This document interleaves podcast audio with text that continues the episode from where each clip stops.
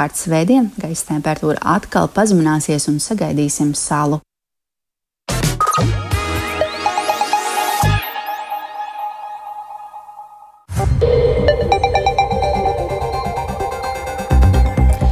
Divpadsmit un piecas minūtes skanējumu sāk 15. februāra ziņu raidījums pusdiena, plašāk skaidrojot šodien būtisko studijā Dāca Pēkšēna. Esiet sveicināti! Satvērsmes tiesa šobrīd ir sākusi paziņot nolēmumu lietā par Krievijas pilsoņu uzturēšanās atļaujām. 2022. gada septembrī stājās spēkā norma, kas paredz, ka jaunas uzturēšanās atļaujas iegūšanai Krievijas pilsoņiem ir jāapliecina latviešu valodas zināšanas, un ja to neizdara, Latvija jāpameta. Līdz šim no iedzīvotāja reģistra izslēgti vismaz 3,5 tūkstoši cilvēku, taču nav zināms, vai viņi tiešām valsti pametuši, un vairāk stāsta Paula Dēvica. 2022. gada septembrī Saima lēma, ka turpmāk jaunu uzturēšanās atļauju iegūšanai Krievijas pilsoņiem būs jāapliecina valsts valodas zināšanas. Savukārt tiem, kuri to neizdarīs, Latvija būs jāpamet. Pēc lēmuma pieņemšanas publiskajā telpā sākās spraigas diskusijas. Cīniņi notika starp kvēliem šo grozījumu atbalstītājiem un to pretiniekiem. Vienlaikus bija arī daudz neskaidrību, piemēram, par to, vai un kā tos, kuri valodas eksāmenu nenokārtos, no Latvijas izraidīs.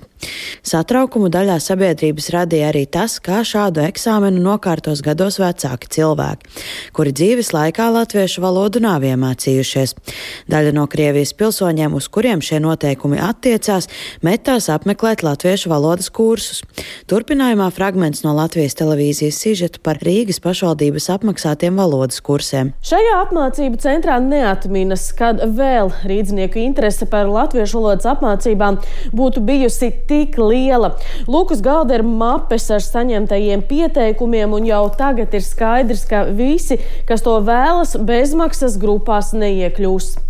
Cilvēki vēl šodien turpina zvanīt un nāk interesēties uz vietas. No valodas pārbaudas atbrīvoti bija tie, kas ieguvuši izglītību latviešu valodā, tie, kam bija ārsta atzinusi par attiecīgām veselības problēmām, kā arī bērni un seniori virs 75 gadu vecuma. Līdz ar to nosacījumi kopā attiecināmi uz aptuveni 18 tūkstošiem Latvijā dzīvojošu Krievijas pilsoņu. Uz pārbaudi pērni ieradās teju 12 tūkstoši personas, taču līdz šim to no nokārtojuši puse no viņiem. Pārbaudas veikt ir iespējams arī tagad, taču jārēķinās, ka daļai šo cilvēku uzturēšanās atļaujas Latvijā beidzās jau pērnā gada septembrī. Atļaujas beidzās aptuveni 3,5 tūkstošiem cilvēku, kuri tika izsvītroti no iedzīvotāju reģistra. Realitātē gan neviens nezina, vai kāds no šiem cilvēkiem tiešām ir izbraucis no Latvijas. Pilsonības un migrācijas lietu pārvalde Latvijas sabiedriskajiem mēdiem apgalvo, ka šādus datus visticamāk neviens neapkopo. Turpinājumā fragments no intervijas ar pārvaldes priekšnieci Māju Rozi pērnā gada septembrī. Kārtība ir tāda, ka mēs informējam, ka likums ir pateicis, ka šobrīd viņu uzturēšanās atļauja ir beigusies. Viņiem ir jāizceļ 90 dienu laikā.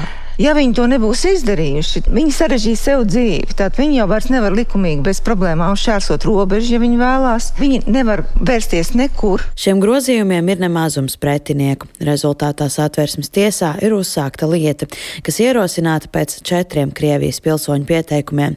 Spriedumu lietā paziņo šodien Paula Dēvica, Latvijas radio. Un tātad, kā jau minēja, tad satversmes tiesa lēmumu šajā lietā ir pieņēmusi un tieši šobrīd ir sākusi tā paziņošanu, bet kamēr mēs vēl gaidām, kāds tas būs, tad varam paklausīties satversmes tiesas tiesneses Anitas Rodiņas teikto šorīt redzīmā labrīt kolēģim Kristapam Feldmanim par šīs lietas būtību. Satversmes tiesai bija jāizvērtē divu apstrīdēto normu atbilstība satversmes pirmajam pantam, satversmes 91. pantam, kas ir vienlīdzīguma principam, arī satversmes 96. pantam, kas garantē tiesības uz privātās dzīves neaizskaramību, un arī Eiropas cilvēktiesību un pamatbrīvība aizsardzības konvencijas startā protokols 4. pantam, kas aizliedz ārvalstnieku kolektīvo izdošanu. Tātad, tikāk izskaidrojot tātad par apstrīdētā normu, varu teikt, ka tātad pārējais noteikumi 58. punkts paredzēja brīdi vai noteiktu laika brīdi, kad Krievijas federācijas pilsoņiem izsniegtā pastāvīgā uzturēšanās atļauja zaudēs atbilstoši likumdevēja iecerētajam personu, tātad Krievijas federācijas pilsonis, ja tā vēlējās turpināt uzturēties Latvijā, personai ir jāiegūst cits tiesiskais pamats uzturēties šeit.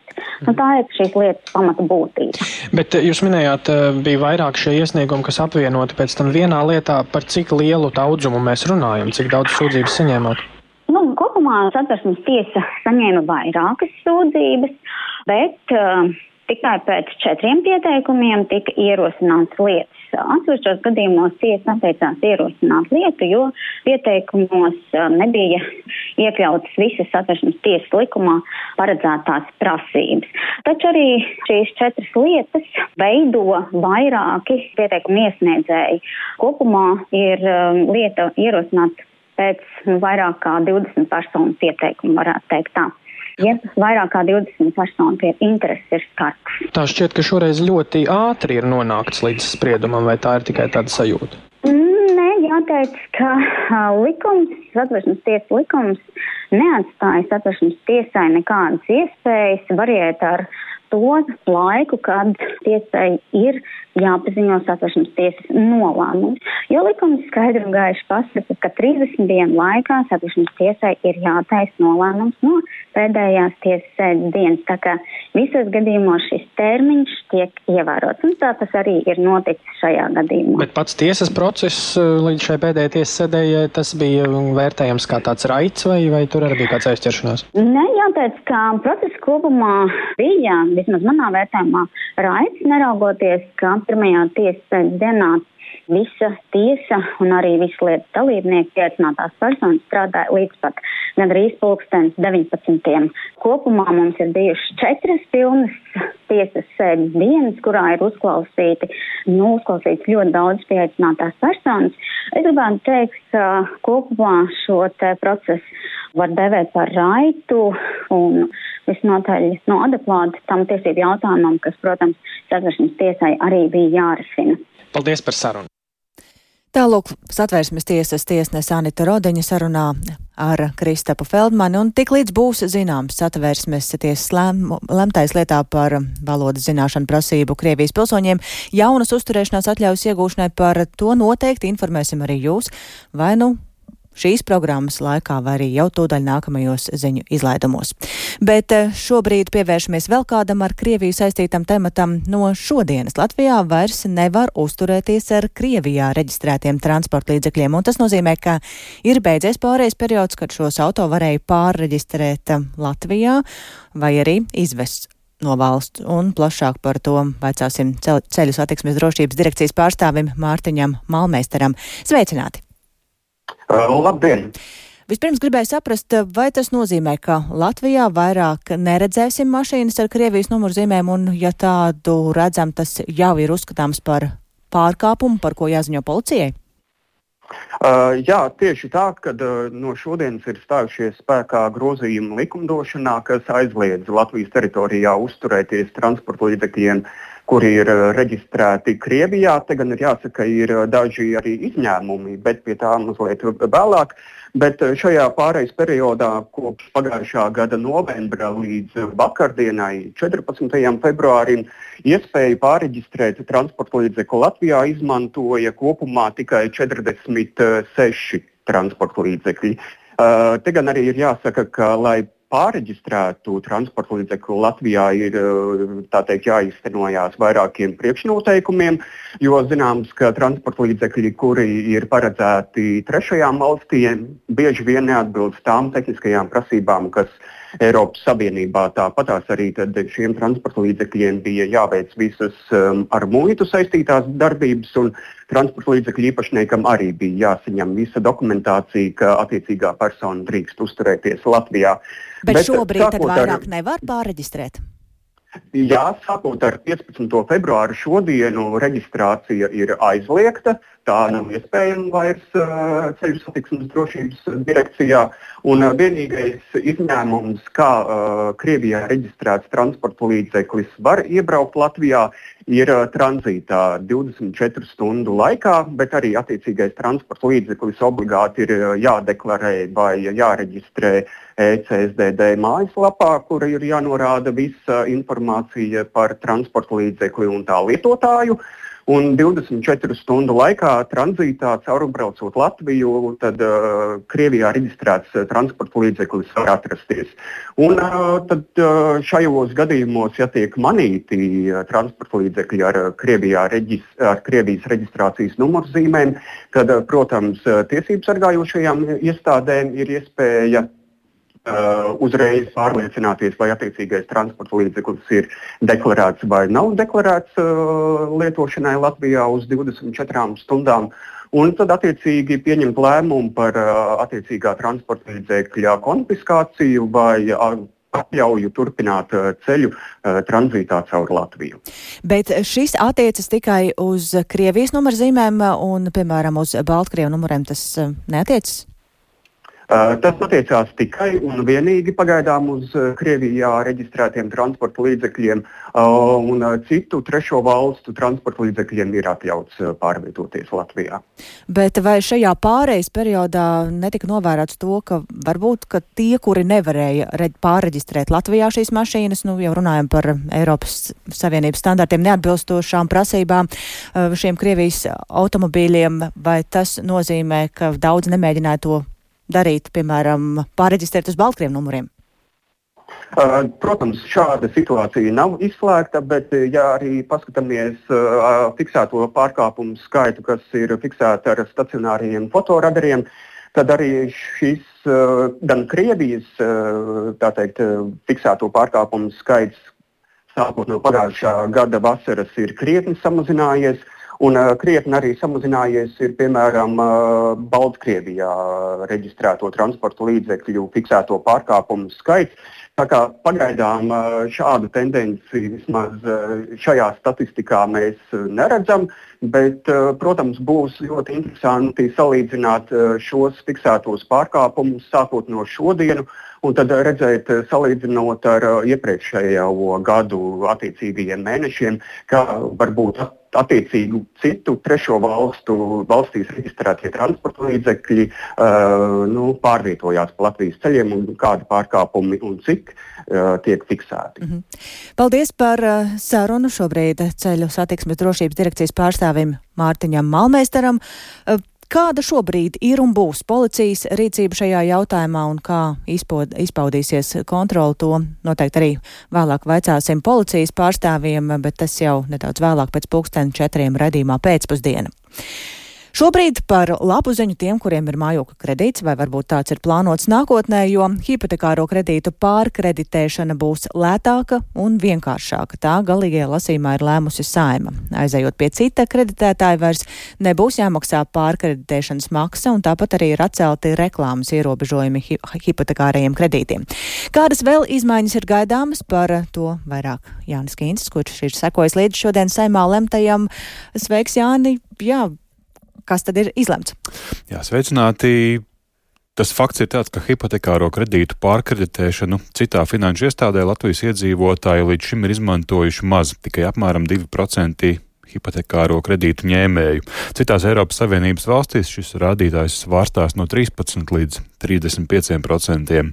Un iemesli šai situācijai Latvijā ir vairāki, un galvenokārt jau, protams, fakts, ka Latvijā pārkreditēšana ir bijusi dārga un atbilstoši Eiropas um, ekonomikas ministrijas aprēķiniem, hipotekārā kredīta pārkreditēšana Latvijā iedzīvotājiem izmaksā vidēji no 400 līdz 600 eiro, un spēkā bijusi arī tā saucamā aiziešanas komisijas maksa esoš, no esošās bankas un arī dažādas valsts nodevas. Un pēc likuma izmaiņu spēkā stāšanās šīs pārkreditēšanas maksas vairs nebūšot. Un paredzēts arī, ka maksa par jauna hipoteka kreditēšanas līguma noformēšanu nedrīkstēs būt augstāka par 1% no jaunā hipotekārā kredīta summas, un patērētājs šo maksājumu varēs sekt trīs maksājumos. Šo pārmaiņu nolūks ir sekmēt banku konkurenci un kredītu nosacījumus padarīt patērētājiem izdevīgākus. Tā stāsta Saimas budžeta komisijas vadītāja vietnieks Andris Šuvājevs no progresīvajiem. Protams, kļūs lētāks, viņš kļūs arī vieglāks. Jo iedzīvotājiem būtībā būs iespēja šo visu procesu nokārtot attālināt, būs iespēja vienkārši izskatīt piedāvājumu, ko iespējams izsaka cita komercbanka, iespējams saņemt pretpiedāvājumu no savas esošās bankas un tad izvērtēt to, kurš piedāvājums ir izdevīgāks un labāks. Kā mums tika skaidrots arī komisijā, to var izdarīt pāris mēnešu laikā. Un šīs izmaiņas atbalsta arī banku nozare, jo šis regulējums pārkreditēšanu padarīs vienkāršāku un interesantāku gan iedzīvotājiem, gan arī bankām, jo samazināsies arī administratīvās darbības. Dace.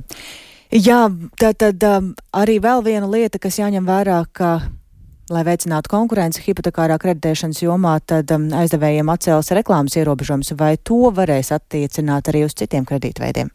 Jā, un te ir jā, jāpastāst, ka tiešām pārkreditēšana klientiem varētu būt interesanta, iegūstot citā kredīta iestādē izdevīgākus kredīta atmaksas nosacījumus, taču līdz šim Latvijā šo iespēju par to arī maza, mazāk interesi bijusi arī tāpēc, ka likums neļauj reklamēt šādu iespēju. Tā arī pamatot šī pakalpojuma reklāmas atcelšana. Uh, taču vienlaikus bija arī priekšlikums atcelt visa veida kredīta, re, kredītu reklāmu ierobežojumus. To rosināja deputāte Linda Liepiņa no partijas Latvija pirmajā vietā. Tomēr kredītu reklāmu pilnīgu atcelšanu saimnes vairākums neatbalstīja, piekrītot gan, ka ir pamats par to diskutēt, balstoties uz datiem, nebūtu pareizi atcelt visus, tā skaitā arī tā saucamos ātros kredītus eh, reklamēt. Eh, tā to argumentē deputāti. Un vēl piebildīšu, ka likuma izmaiņas par hipotekāro kredītu vienkāršotu pārkreditēšanu stāsies spēkā uzreiz pēc to izsludināšanas. Tātad jau paredzams, ka visai drīz. Paldies Jānim Kīncim. Tātad um, hipotekāro kredītu pārkreditēšana līdz šim nav bijusi ierasta prakse. Viens no iemesliem tas bija dārgi, vai tagad šī kārtība mainīsies, vai, vai šī praksa mainīsies līdz ar noteikumu maiņu, to rādīs laiks. Bet šobrīd pievēršamies notikumiem otrpus okeānam par nopietniem draudiem ASV Nacionālajai drošībai. Kongresu ir brīdinājis ASV pārstāvju palātas izlūkošanas komitejas priekšsēdētājs republikānis Maiks Terners, aicinot ASV prezidentu atslepenot visu informāciju, kas ir saistīta ar to. Amerikāņu mediji vēsta, ka Apdraudējums ir saistīts ar Krieviju un iespējamo kodolieroču izvietošanu kosmosā. Tikmēr Baltijā namā ir izbrīns par šādu publisku paziņojumu, kas ir radījis bāžas sabiedrībā. ASV Demokrāta partijā jau izskan viedoklis, ka Terneram būtu jāatbild par šādu rīcību un plašāk par notikumiem ASV ir gatavs pastāstīt Rustam Šukuros. Sveiks, Rustam! Labdien! Jā, kā jau tu minēji, ASV pārstāvju palātas izlūkošanas komitejas priekšsēdētājs Maiks Terners publiski mikroblogošanas vietnē X brīdināja par valsts drošības apdraudējumu, kas saistīts ar destabilizējošo ārvalstu militāro kapacitāti, kas ir tik nopietna, ka prezidentam Džo Baidenam vajadzētu deklasificēt visu ar to saistīto informāciju, lai kongress, administrācija un ASV sabiedrotie varētu atklāti apspriest darbības, kas nepieciešamas, lai rēģētu uz šiem draudiem. Lai gan pats uh, Turners neprecizēja, par kādu konkrētu apdraudējumu ASV drošībā ir runa, mediji drīz vien nāca klajā ar, ar to rīcībā nonākušo informāciju, ka apdraudējums saistīts ar Krievijas vēlmi nogādāt kodolieročus kosmosā. Saskaņā ar eh, telekanāla ABC News avotu teikto, runa nav par šāda veida ieroču izmantošanu pret mērķiem uz Zemes, bet gan drīzāk par to iespējamo izmantošanu pret citu valstu satelītiem. ASV Nacionālās drošības e, padomnieks Džeiks Salivans, paužot izbrīnu par Tērnera publisko paziņojumu, nesniedza sīkāku informāciju par iespējamo apdraudējumu valsts drošībai. Viņš gan sniedza komentāru par informācijas saslepunošanas jautājumu. Paklausīsimies, ko saka Salivans. This administration has gone further and in more creative Pašreizējā administrācija ir gājusi tālāk un izmantojusi radošākas un strateģiskākas pieejas, lai deklasificētu informāciju saskaņā ar ASV nacionālajām interesēm, nekā jebkura cita administrācija vēsturē. Tāpēc noteikti nevajadzētu teikt, ka mēs nevēlētos to darīt, ja tas atbilst mūsu drošības interesēm. Salivans arī centās kliedēt sabiedrības bažas par apdraudējumu riskiem, paužot pārliecību, ka Baidena administrācija spēs nodrošināt eh, maksimāli iespējamo amerikāņu tautas drošību. Eh, kliedēt sabiedrības bažas arī mēģinājis ASV pārstāvju palātas spīkers, eh, republikānis Maiks Džonsons. Viņš norādīja, ka mudinās Baidena administrāciju veikt nepieciešamos drošības pasākumus. Paklausīsimies, ko saka ASV pārstāvju palātas spīkers. Es iepazinos ar priekšsādātāja Tērnera paziņojumu par šo jautājumu, un es vēlos apliecināt amerikāņiem, ka satraukumam nav pamata. Savukārt Demokrātu partiju pārstāvošais kongresmenis Sets Multons atzīmējis, ka riski ASV drošībai nav vienīgi saistīti ar Krievijas vēlmi izvietot kodolieročus kosmosā, bet arī ar ASV pārstāvju palātas izlūkošanas komitejas priekšsēdētāja lēmumu publiski izteikties par sensitīvu un noslapnotu informāciju. Pēc Multona domām Tērnera rīcība pakļauj riskam ASV izlūkdienestu informācijas avotus, kā arī kaitē ASV reputācijai sabiedroto acīs, un par to Tērneram būtu jāuzņemas atbildība. Paklausīsimies, ko saka Multons. Really Republikāņu līderim ir patiešām jāizvērtē, vai viņš var turpināt vadīt izlūkošanas komiteju. Esmu pārliecināts, ka Maiks Tērners uzskata, ka viņam bija ļoti principiāli iemesli, lai publiskotu šo izlūkošanas informāciju. Bet es teikšu tā, daudzi no mums tam nepiekrīt, daudzi republikāņi tam nepiekrīt, un noteikti arī aizsardzības departamenta amatpersonas, kas reaģē uz šo apdraudējumu, tam nepiekrīt nepiekrīt. Uh, uh, Jāmin, ka laikraksta The New York Times avoti vēsta, ka Krievijas spējas izvietot kodolieročus kosmosā joprojām ir izstrādes stadijā. Līdz ar to par tiešajiem draudiem ASV, Ukrainai vai ASV sabiedrotajiem Eiropā runāt būtu pāragri. Paldies Rustamam Šakūravam un vēl programmā par to, ka Valkas novadā grib uzlabot veselības aprūpas pakalpojumu pieejamību, tādēļ sākts pētījums un tiek apzināts iespējas iedzīvotājiem šos pakalpojumus saņemt arī blakus esošajā Igaunijas Valgā. Jau šobrīd daudz valcēnieši izmanto Valgas slimnīcas pakalpojumus, taču tam ir daudz šķēršļu un plašāk par to Guntas Matisonas ierakstā. Kopš valkā aizslēgts slimnīca valcēniešiem, lai veiktu izmeklējumus vai iegūtu speciālistu konsultācijas, pamatā nāks mērot ceļu uz Vidzemes slimnīcu, un tie ir 50 km. Ja nav savu transportu, tad, kā stāsta valcēnieši, vēl Valmierā ir jāizmanto arī pilsētas autobuss, jo slimnīca ir ārpus pilsētas. Mēs uz Valmieru braucam. Slimnīcas te nav, nekā nav jābrauc uz Valmieru vai uz Igauniju. Vienīgais tā. Un tas nozīmē, ka tas ir papildus izdevumi, papildus viss vai ne. Nu, nav patīkami, grūti ir mums šeit. Ja kaut kādas medicīniskās komisijas, tad uz Rīgu.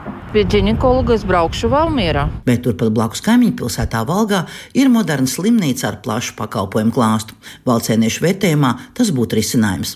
Viennozīmīgi labi. Ja būtu Valgā, tomēr ir kā cik ir 50 km, cik ir te. Paldies Dievam, ir Igauni. Tur eh, bezrindas var dabūt rentgēnu vēl kaut kādu izmeklējumu. Volks ģimenes ārstīgi nātra stāst, ka pacientu ir daudz, bet problēmas viņiem sagādā nokļūt uz izmeklējumiem pie speciālistiem. Tāpēc plašākas iespējas Valgas slimnīcā būtu nepieciešams. Problēma izpēta veids Rīgas Stradiņu universitātes pētnieki, un jau ir bijusi darba vizīte Valgas slimnīcā un arī saruna ar Valkas ģimenes ārstiem. Rīgas Stradiņu universitātes vecākā pētniece Daiga Behmana saskata pat vairākas problēmas. Lielākie šķēršļi tomēr ir veselības aprūpas tarifi, jo, kā zināms, pārobežu veselības aprūpē tai dalību valstī, kuras iedzīvotājs vēlas saņemt pakalpojumu citā valstī.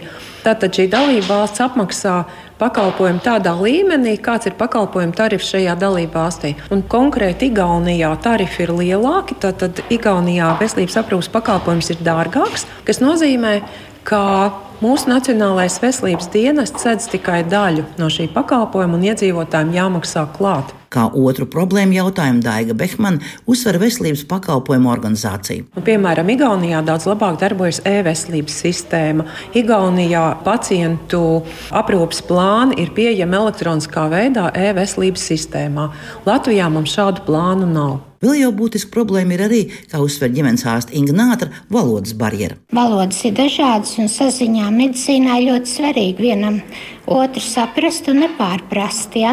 Tātad projekta mērķis ir apzināt šos šķēršļus un meklēt risinājumu. Pati svarīgākā joma, kā stāsta Daiga Behmana, ir neatliekamā palīdzība. Valgas slimnīca ir gatava sniegt šo neatliekamo palīdzību, bet tad jautājums ir tālāk par šo procesu.